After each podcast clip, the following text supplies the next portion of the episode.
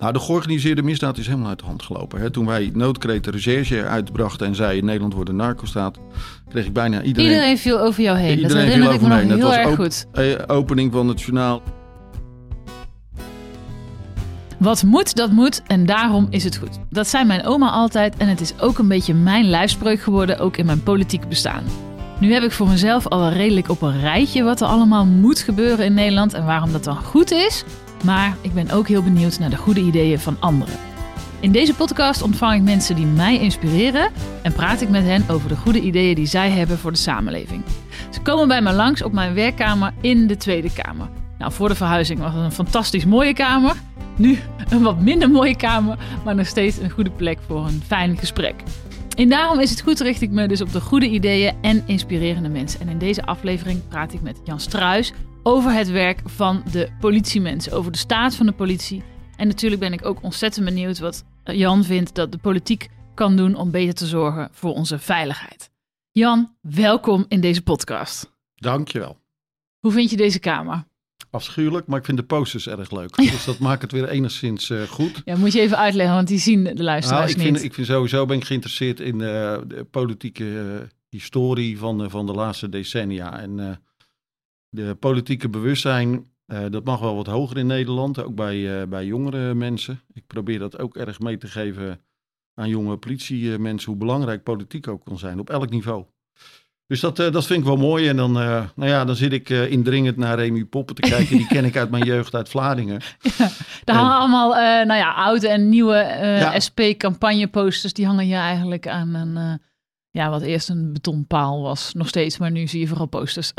Maar voor de rest is de Kamer eh, zakelijk, zullen we maar ja, zeggen. ja, ja, daar zijn we niet echt op vooruit gegaan. hey, fijn dat je er bent. Ehm, hoe lang ben jij nou eh, voorzitter van de politiebond eigenlijk?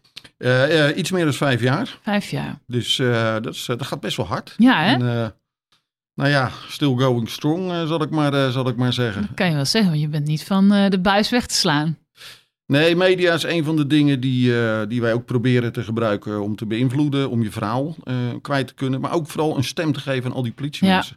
Ja, Ik vind echt wat onderschat wordt, ook door de politiek, is dat de politie ook een thermometer van de maatschappij is. Naast dat ze allerlei dingen moeten handhaven en oplossen. Eh, en als ik politiemensen bel, of ik nou naar Arnhem bel, of naar Amsterdam of naar Rotterdam. Binnen vijf minuten heb je de temperatuur van het badwater Mhm. in die stad eh, te pakken. Mhm. En dat vind ik. eh, nou, ja, Nou, maar dat vind ik dus dat jij heel goed doet. Om dat dan maar gelijk eh, aan het begin ook duidelijk te maken.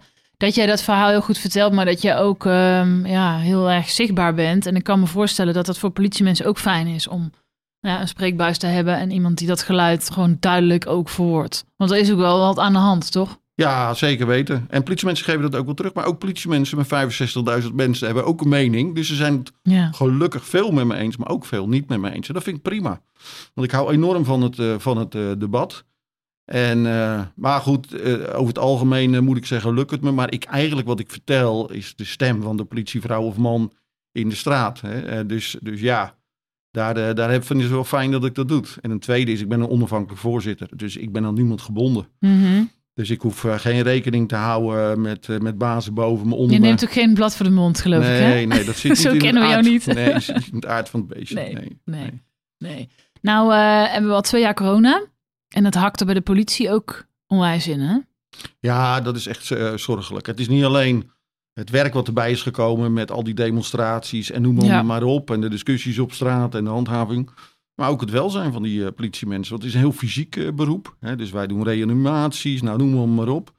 Dus momenteel zien we ook dat veel politiemensen eh, in quarantaine zitten. Mm. Of dat hun huisgenoten COVID hebben. En ja, ik maak me met name de, de, het welzijn van de politiemensen maken me druk om. Want de, de overbelasting is structureel geworden. Nou, en dat is niet goed. Dat is niet goed. En waar leidt dat toe? Nou, dat leidt toe tot ziekteverzuim. Dat leidt toe tot, eh, eh, eh, wat wij ook wel het grijze verzuim. Het leidt tot veel mentale blessures naast de fysieke blessures. En nou ja, dat kan zijn een, een burn-out. of iemand heeft te lang aangestaan met zijn angstreflex. Of dat Mm. kan zelfs tot PTSS leiden. posttraumatisch stresssyndroom. Dat is één kant van het verhaal. En de andere kant is ook gewoon uitputting. Want politiemensen zijn zo loyaal. Dat is ook een, een, een zwakte eigenlijk. Naar de burgers. En ze willen het zo graag veilig maken. Ja, er zit uh, hè, diensten. Ik, ik, sprak iemand uh, pas met uh, vijf weekenddiensten achter elkaar en de hele week door. En dan nog een extra nachtdienstje door de onderbezetting. Want ja, als ik niet kom, dan moeten ze weer een ander gaan bellen. Mhm. Nou, dat, en dat is, en dat is hun, hun zwakte, zeg maar. Hè, die loyaliteit. Dat is ook een kracht. Hè, dus Mhm. ja, uitbuiting ligt op de loer en dat gebeurt nu.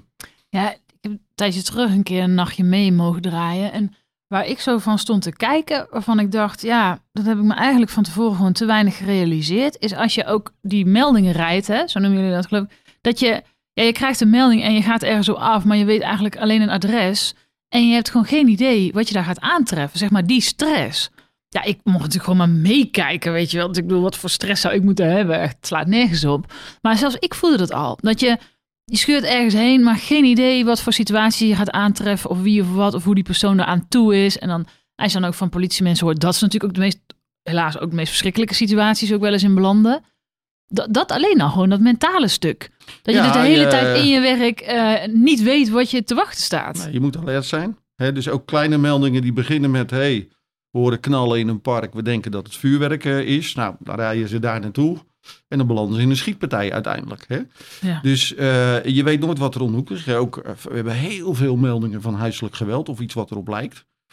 Nou, dat zijn altijd hele gespannen eh, situaties. Ja. Nu ook de illegale feesten. Hè? Dus, dus echt die helemaal uit de hand lopen. Nou ja, nee, je hebt maar twee auto's in een stad. En dan sta je er met z'n tweeën tegenover een doorgesnoven kudde die gedronken heeft. En noem allemaal maar op. En grote pupillen. Nou, dan is het toch af en toe dat je denkt: oké, eh, hoe gaan we dit oplossen? Mm, mm, En dan, eh, ja, dan is 20 minuten voor extra assistentie duurt heel erg lang hoor. mm. Dat kan ik je vertellen. En, ja, en ik vind toch, hè, politiemensen, eh, hun oplossend vermogen is gewoon hartstikke hoog.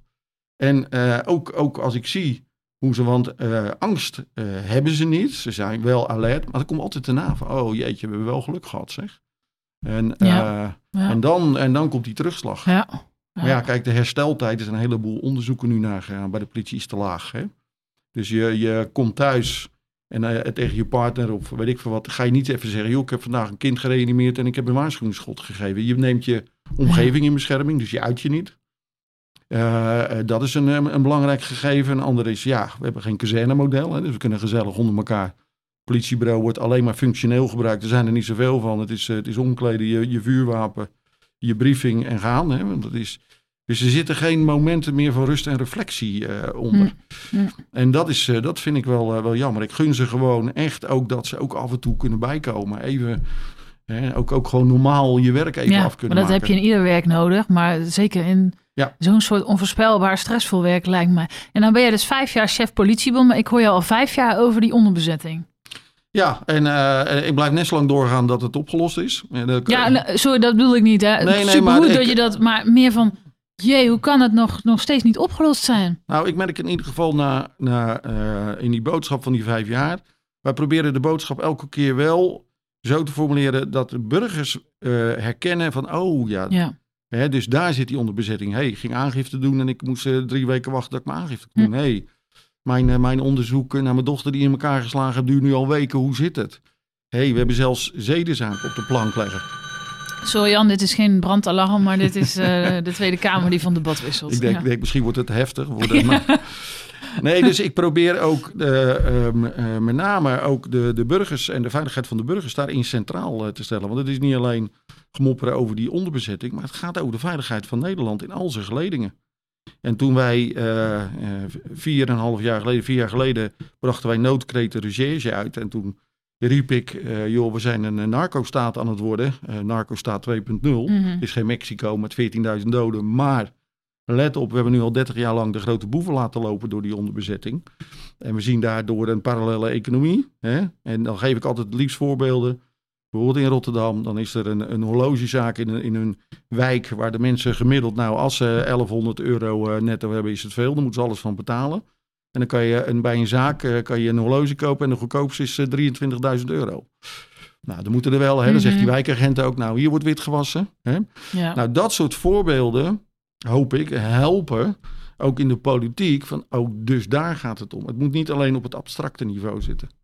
Maar wat zie jij, de, wat doet het ook met het vertrouwen van eh, mensen of de burgers, zoals jullie dat natuurlijk ook noemen, in, in jullie apparaat? Want Zo'n voorbeeld wat jij net noemt van ja, je dochter wordt uh, in elkaar geslagen of er gebeurt iets anders verschrikkelijk misdrijf. En inderdaad, je moet gewoon weken wachten hè, voordat een aangifte überhaupt in behandeling kan worden genomen.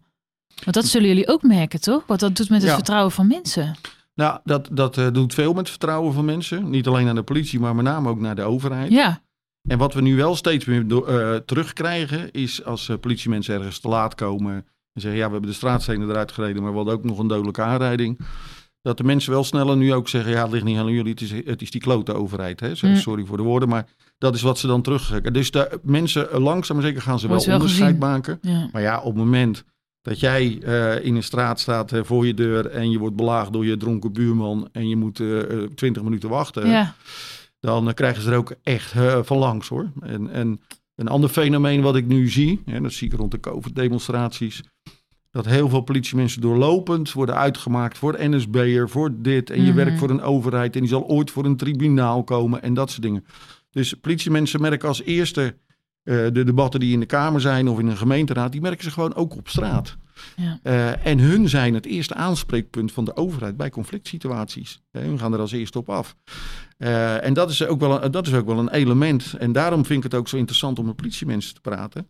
Kijk, bijvoorbeeld alles rond de huren en de inkomensverschillen. Die lopen echt enorm op. En ik krijg gewoon één op één terug. van pas ook weer een, een wijkagent in Amsterdam. Die was bij een forse ruzie geweest. Waarbij een huurbaas het niet meer pikte dat de huur niet meer werd betaald. En daar een alleenstaande vrouw met twee kinderen zei: Ja, weet je, ik heb sinds ik hier drie jaar woon nu uh, 23% uh, huurvrouw. Ik kan het gewoon ook niet meer betalen. En, uh, en die huurbaas die was echt agressief en, uh, tegen die vrouw. Ja, en dan sta je daar. Hè? nou ja, dus, dus die politieman, ik zei: Wat heb je nou gedaan? Ja, ik, ik, heb, niet voor, ik, ik, heb het voor die mevrouw opgenomen. Ik heb mijn morele kompas. Het is gewoon te gek voor woorden wat de mens moet betalen voor de krot. Dus ik heb tegen die huurbaas gezegd, je gaat maar een deurwaarde hebben als je de mensen eruit wil hebben. Maar wij, wij gaan je niet helpen hoor. Want uh, jij moet dus een beetje fatsoenlijk je gedragen. En dat vind ik dan, ja, dat zijn mijn helden. Die gaan wel een beetje buiten de wet en die moeten misschien wat keuriger eh, zijn. Maar deze held, uh, die, daar zou ik het ook altijd voor opnemen. Die, die volgt gewoon zijn morele kompas en zegt van ja, wat hier gebeurt in die maatschappij klopt niet. Ja. En ze kunnen zich ook beroepen op de wet. Hè. Helpen, uh, de politiewet zegt heel duidelijk dat de politie moet mensen helpen die dat uh, behoeven. Hm. Uh, de hulpverleningsartikel, nou, dat is voor mij een heilig artikel. Hm. Hulpverlenen aan hen die deze behoeven. Hm. Want dat is toch ook wel de vlag waaronder de politiemensen hun morele kompas varen. En wat betekent die onderbezetting nou? Je, je hebt verteld over nou, dat aangifte zo lang blijven liggen natuurlijk. En wat dat doet met vertrouwen van mensen in de overheid. Maar wat betekent het met überhaupt gewoon de misdaad in Nederland en de criminaliteit in Nederland? Nou, de georganiseerde misdaad is helemaal uit de hand gelopen. Hè. Toen wij noodkreet de recherche uitbrachten en zei Nederland wordt een narcostaat, kreeg ik bijna iedereen... Iedereen viel over jou heen. Iedereen dat viel over me heen. Dat was erg goed. Eh, opening van het journaal en iedereen...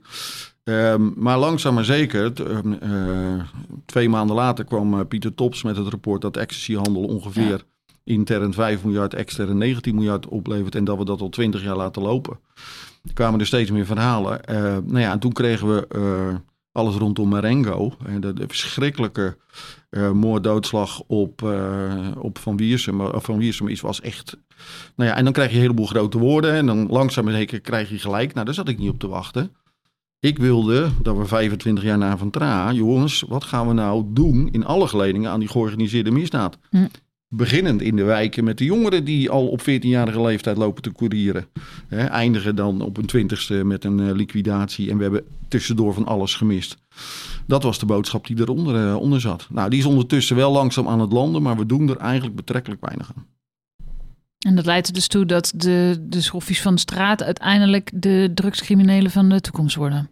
Ja, en, en uh, nou ja, ik ben pas in een penitentiaire inrichting geweest heb ik, eh, kreeg ik toestemming. Uh, ik heb dat maar onder de vlag van politie en wetenschap uh, gedaan, want daar zit ik ook nog in zo'n commissie. Mhm. Maar ik wilde gewoon eens weten waarom deze jongen betrokken is geweest bij een liquidatie. Hij was 20 jaar en was helemaal onder de radar gebleven.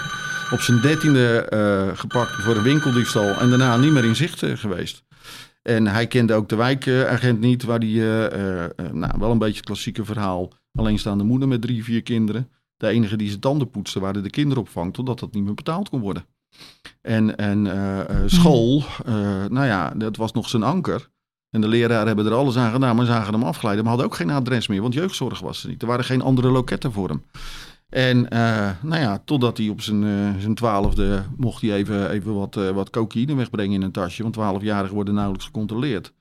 En dan kreeg hij toch mooi geld voor. En langzaam ja. maar zeker heeft hij toen zeg maar, zijn carrière opgebouwd. Ja, totdat hij gevraagd werd Hè, uh, om, uh, om iemand af te schieten. En dat, en dat ook zonder nadenken ook gedaan. Oh, dat is mooi, hoeveel krijg ik ervoor? Oké, okay, 30.000. Nou, dat is mooi.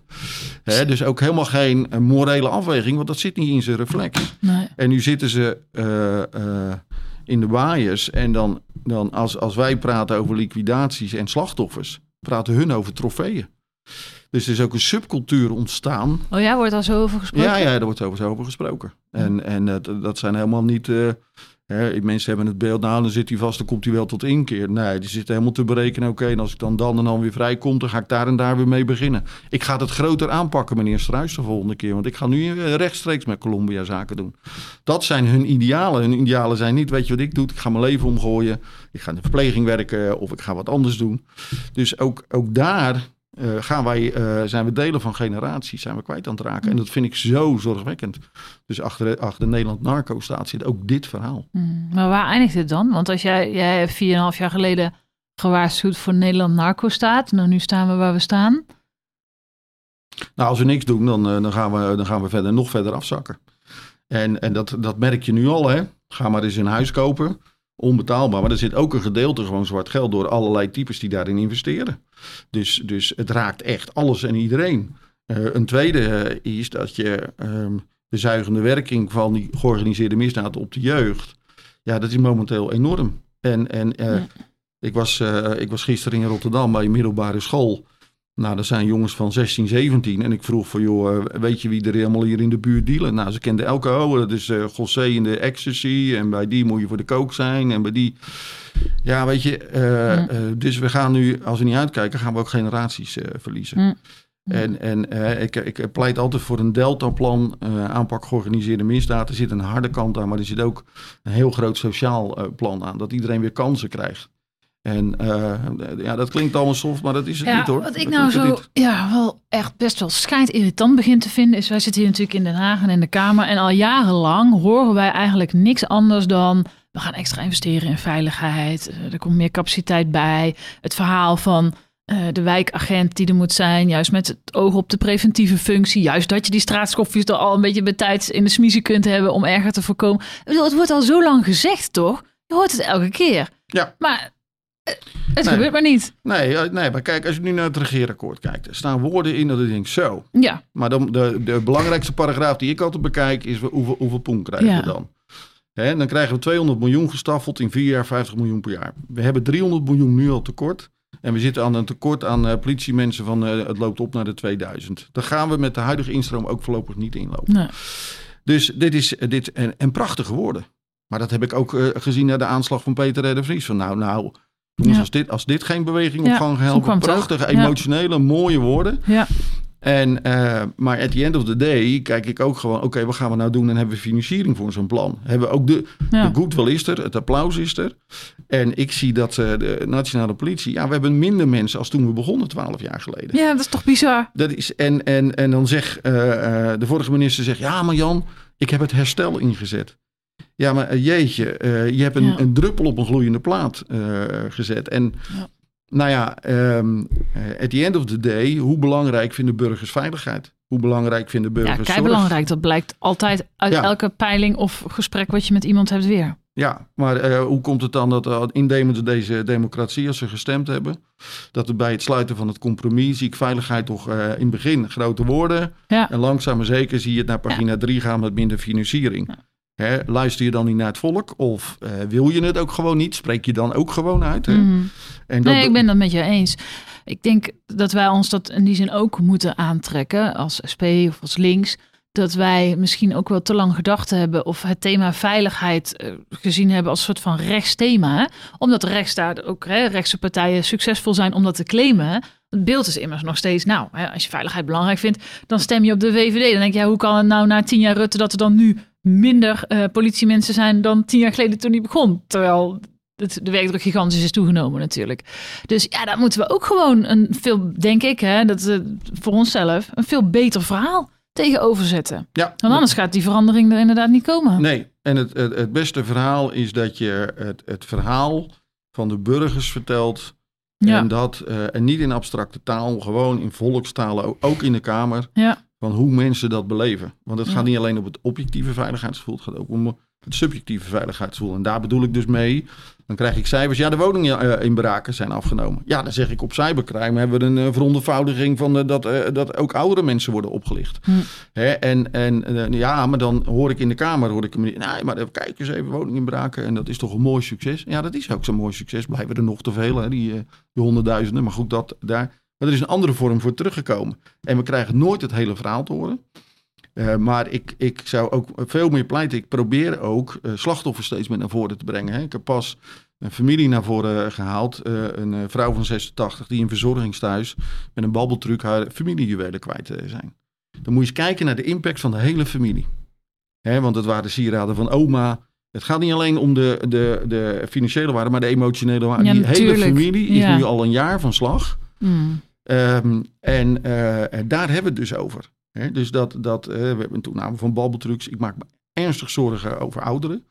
Omdat die zijn kwetsbaarder. Ik zie ze te weinig in het, uh, in het publieke domein. Ja. Letterlijk mensen durven geen boodschappen meer te doen. Op het pleintje waar ze altijd kwamen. Zeggen winkeliers ook. Omdat daar gewoon een, een groep staat. Die loopt te dealen en te, en te klojo. En ze voelen zich niet veilig genoeg. Hm. Ik maak me heel erg uh, zorgen over straatintimidatie. Naast alle seksueel overschrijdende gedragen. Ja, twee op de drie jonge vrouwen hè, bleek recent nog heeft te maken met straatintimidatie. Ja, en daar zeggen politiemensen van, nou dat herkennen we als geen ander. Maar wat, we ook, we, er zijn twee tendensen. Eén, wat dan zo mooi de zelfredzaamheid van de burger uh, is. Als mensen zien dat het gebeurt, durven ze niet meer die jongeren aan te spreken door de agressie hm. en het geweld waar ze tegenover kunnen komen te staan. Dus dat is een fenomeen. Een tweede, um, het wordt veel meer gemeld, uh, maar dan op een manier dat ze toch even snel een filmpje maken. En dat vind ik uh, interessant. Ze zeggen, kijk, dit overkomt me nou. En uh, de wettelijke begrenzing, ze beginnen natuurlijk bij aanranding. Maar daarvoor zit ook nog een, een, een stuk. En je verandert niet alles door in een wet. Hè? Ik denk dat een wet een goede norm neerzet en dat die nodig is. Maar hier moet je een hele brede campagne van maken. Ja, is dat wat jij uh, zou Ja, bepleiten nee, om die eh, straatintimidatie de nou kop ja, in te drukken? Nou ja, ook in de publieke eh, ruimte. Ik Ja. heb veel met de horeca opgetrokken de laatste tijd rond COVID-discussies. En die verhalen die ik terugkrijg van, van mensen die daar aan de deur staan. En die zeggen, ja weet je, er komt dus een meisje naar me toe. Die zegt, joh, die schoft wat hij in mijn oor fluisterde. Maar dat is een één op één verhaal. Als ik die schoft eruit gooit en hij doet een klacht van discriminatie of wat dan ook. Ja, dan, maar, eh, dan breng ik mijn baas weer. eh, en ik weet bijna zeker dat het gebeurd is, maar ik kan het niet bewijzen. Nou, dat soort debat, waar lopen we nu tegenaan? Ja. Ik ken geen jonge vrouw meer in, uh, in mijn hometown uh, Rotterdam die het niet meegemaakt heeft op een echt uh, verschrikkelijke overschrijdende manier. Mm, ja. Dus, dus je redt het niet alleen met een wet. Nou, handhaven, dat, dat wordt hartstikke moeilijk. moet ook gebeuren. Je moet af en toe je tanden laten zien als het mogelijk is. Maar we hebben er ook nog wel even een brede campagne op los te laten hoor. Dat iedereen zegt van ja, maar dit is toch te gek voor woorden in ons mooie land. Ja. Nou is onderdeel van deze podcast ook altijd dat ik een fragmentje laat horen van een SP-collega. En dit keer is dat uh, Michiel van Nispen. Oké. Okay. Jan, Michiel van Nispen hier. Ik heb een vraag aan je. Bij de politie is er op dit moment een groot probleem, want we hebben veel te weinig capaciteit voor al die belangrijke taken en de politie is de afgelopen jaren uitgehold. Daar hebben we volgens mij een gezamenlijke strijd. Tegelijkertijd weten we dat er op dit moment heel erg veel van de politie gevraagd wordt. Door de samenleving, maar zeker ook door de politiek. Kijk bijvoorbeeld alleen al naar de aantallen mensen die op dit moment beveiligd moeten worden. Zoals journalisten en advocaten, etc. Nu voel ik aan alles dat de druk alweer aan het toenemen is... om dat capaciteitsgebrek bij de politie op te vangen door particuliere beveiligers in te huren. Dus door een privatisering. En mijn vraag aan jou is, hoe kijk jij daarnaar? Hoe zie jij deze ontwikkeling? En hoe kijk jij daarnaar, Jan? Vind het verschrikkelijk de marktwerking. Veiligheid gaat echt in de uitverkoop.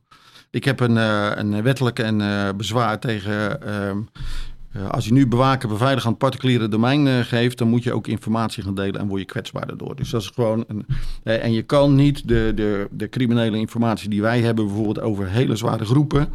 En die moet je soms delen om het bewakingsniveau aan te passen en waar ze dan op moeten letten. Nou, dus daar begint al een technisch probleem. Een tweede is, ik vind het echt een taak van de overheid. De overheid wordt al uitgehold en ik ben echt op veiligheid tegen marktwerking. En wat ik nu al zie, hè, ik, uh, uh, zelfs in mijn eigen buurt, als ik uh, de straat rechtsuit loop, kom ik in een, in een winkelstraatje terecht met een geweldig Turkse bakker. Ik ga niet zeggen waar ik woon met mijn eigen veiligheid, maar fantastisch. Maar die man heeft drie keer ingebroken. en moet dan vier uur wachten op de forensische opsporing. Aan de achterkant de polder in. Daar woont een zeer rijke man die ik nog ken. Uh, die heeft altijd uh, geld wit gewassen en die is zeer vermogend.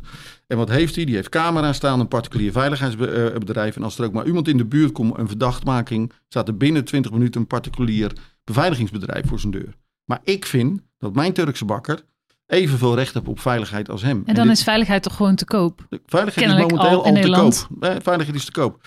En ik heb niks overal tegen marktwerking, maar hierin moeten we echt gaan begrenzen.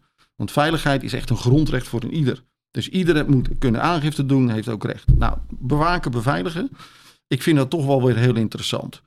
Wat er gebeurt, wij riepen, het wordt een narco-staat. En ondertussen uh, zag je de bedreigingen naar officieren van justitie, politiemensen, rechters, journalisten, noem maar op, toenemen. En die kwamen in de hoogste categorie, dus die hadden recht op beveiliging. Daar hebben we afspraken over met de overheid. Uh, en dan uh, interessant is, dan wordt er naar de politie gezegd, nou gaan jullie het maar doen. Zonder financiering. Dus wat doen wij? Wij trekken drie tot 400 mensen uit de sterkte. En die zitten nu op allerlei adressen, uh, Brachium. en, maar die zijn ook uit de wijken getrokken. En twee, die doen het nu al ondertussen twee jaar. En onder, ja, zeg, zeg Grapperhaus. Maar ik heb toch eenmalig financiering gegeven. Ja, daar konden we de auto's van kopen. Daar konden we de wapens van kopen. Maar daar kunnen we niet die mensen van betalen. Nou, dan moet er een commissie komen. Dan komt de commissie Bos. En uh, de commissie Bos was een uh, goed advies van... joh, dit is uit de hand gelopen. er moet structurele financiering... en zorg dat er een volwaardige afdeling komt. Ehm, maar die zeggen ook van... nou, ga toch ook maar die marktverkenning doen. Ja, daar ben ik dus niet voor. Daar ben ik niet voor. Wij zijn nu zo op een dieptepunt dat het nu ook, doordat we geen financiering hebben, de aanpak georganiseerde misdaad wordt, wordt nu echt van onze kant uit, kunnen we niet meer goed uitvoeren. En wat bedoel ik daarmee? We hebben nu al een paar criminele organisaties op het oog, waar mogelijk ook twee kroongetuigen zijn. Iedereen zegt dat moeten we gaan doen. Maar we hebben de bewaking en beveiliging niet om deze man of vrouw af te schermen. Dus we laten nu zaken lopen. Omdat. Een tweede is, we gooien mensen in een regime. Ik heb pas nog een, een rechter gesproken. Daar werd de, de dreiging steeds groter op. Uh, ja, en toen moesten ook zijn, zijn kinderen die naar de universiteit gaan begeleid worden. Moest ik maar kijken wat een impact dat alleen al maakt op uh, Jan en Alleman. Dus ja, dat moet dan uitgebreid worden. Ja, daar hebben we niet in voorzien. Ja, dank je ja. de koekoek. Hè, dus, dus het zijn nou, maar ja, juist die argumenten, Jan, worden natuurlijk aangevoerd door te zeggen, ja, daarom moeten we maar een blik particuliere beveiligers opentrekken. Daarom laten we het maar aan de particuliere beveiligingsbedrijven. Ja, nee, en daar ben ik moeilijk tegen. Die discussie zal denk ik ja, nog, gaat nu komen, nog veel groter worden de komende tijd. En dat er, uh, dat er, dus uh, eerst laat je eigenlijk zelf willen en wetens tekorten ontstaan. Dat heb je net verteld. Dat vind ik zo kwalijk eraan. Dus eerst uh, investeren ze veel te weinig in politiecapaciteit. Vervolgens zijn er tekorten. En dan zeggen ze, ja, shit, nu zijn het tekorten. We hebben wel mensen nodig. Nou, dan kijken we maar naar de markt. Ja, nou, en, en dat, dat heeft er uh, één, ik vind dat niet goed in het kader van uh, veiligheid voor een ieder en die marktwerking. Dat vind ik echt waardeloos. Maar ook het technische. Kijk, even bewaken, beveiligen is niet alleen met een kogelvrij vest constant om iemand heen lopen. Je moet safehouses hebben, je moet een goede communicatiemiddel hebben. En je informatiepositie moet hm. elke dag tip-top zijn. Elke dag wordt er gescand wat het dreigingsniveau is. Dat zie je op het moment dat er een bepaalde rechtszaak is, zie je dat toenemen. Je ziet het toenemen als een bepaalde journalist toch weer eens eventjes gelukkig maar blootleggen, een hele grote onthulling doet op die georganiseerde misdaad. Dan zie je daar dat weer uh, toenemen. Uh, en als je dat in particuliere handen gaat geven, ja, de kans dat dat, uh, dat, dat niet goed gaat, is, is echt groot aanwezig. Hè, maar dat is het technische argument. Maar wat veel belangrijker is, het kan toch niet zo zijn dat die overheid die nu eindelijk erkent dat we een narco-staat hebben, vervolgens zeggen, ja, het is allemaal verschrikkelijk. Ja. Maar we doen er niks aan een veel sterkte politie. Hè? Dus, dus, en ik, ik snap daar echt werkelijk helemaal Sterker nog, particuliere ondernemers in de beveiliging, die kunnen dan dadelijk hier rijk van worden. En je kunt dan inderdaad ook nog, als je vermogend bent, dan kun je daar zelf zoveel in investeren dat je je eigen veiligheid koopt. Terwijl, ja, als toch iets een basisvoorziening is, lijkt me, dan is dat toch veiligheid. Ja, en ik heb ook niks tegen particuliere beveiligers. Hè, want ik vind dat ze uitstekend werk doet. Als ik kijk naar de horeca, naar de ja. voetbalstadions. Hè, uh, dat uh, echt uitstekend werk is ook goed zaken mee te doen. Maar er zit wel een begrenzing aan. Ja. En die begrenzing uh, gaat komen op het moment dat je een, een, gelijkwaardig veiligheidsniveau voor een ieder wil garanderen. En dan moet veiligheid niet te koop zijn. Hè, in het voorbeeld wat ik gaf van, mijn, van mijn achterbuurman. En die me altijd nog heel vriendelijk groet. Maar ja, nou, dat is te gek voor woorden eigenlijk. Ja, wat mij deugd doet is dat jullie wel weer nieuwe acties hebben aangekondigd. Hè? Ja. Kun je daar nog wat over zeggen? Wat staat er op de rol? Ja, nou, we hebben, we hebben nu eh, aan het kabinet gevraagd: ga je ons nou nog helpen, ja of nee? Dat gaat niet alleen, uh, dat gaat natuurlijk ook over de CEO, maar we hebben ook ingebracht capaciteit en veiligheid voor onze mensen. Hè, dus waar we het net over hadden. Wij, uh, wij krijgen vrijdag een antwoord van de, van de nieuwe minister. En, ja, en als dat antwoord niet bevredigend is, dan, dan gaan we door met de acties en die beginnen gelijk het weekend. En daar zal Rotterdam zeker het een en ander van merken. Mag ik jou daar heel veel succes bij wensen? En mag ik jou ook nog eens een keer benadrukken dat ik uh, het bewonderenswaardig vind wat je doet. Maar ook dat ik het echt goed vind om te zien dat je zo voor politiemensen opstaat. En dat je echt hun spreekbuis bent. Want de manier waarop je dat doet vind ik heel knap. Maar ja, ik zie ook wel aan alle kanten hoe keihard het nodig is. Dat is dan misschien de, de trieste kant ervan. Maar het is wel uh, heel goed dat je dat doet. Dus ik hoop dat je daar nog even mee wilt doorgaan. Dankjewel. Dankjewel.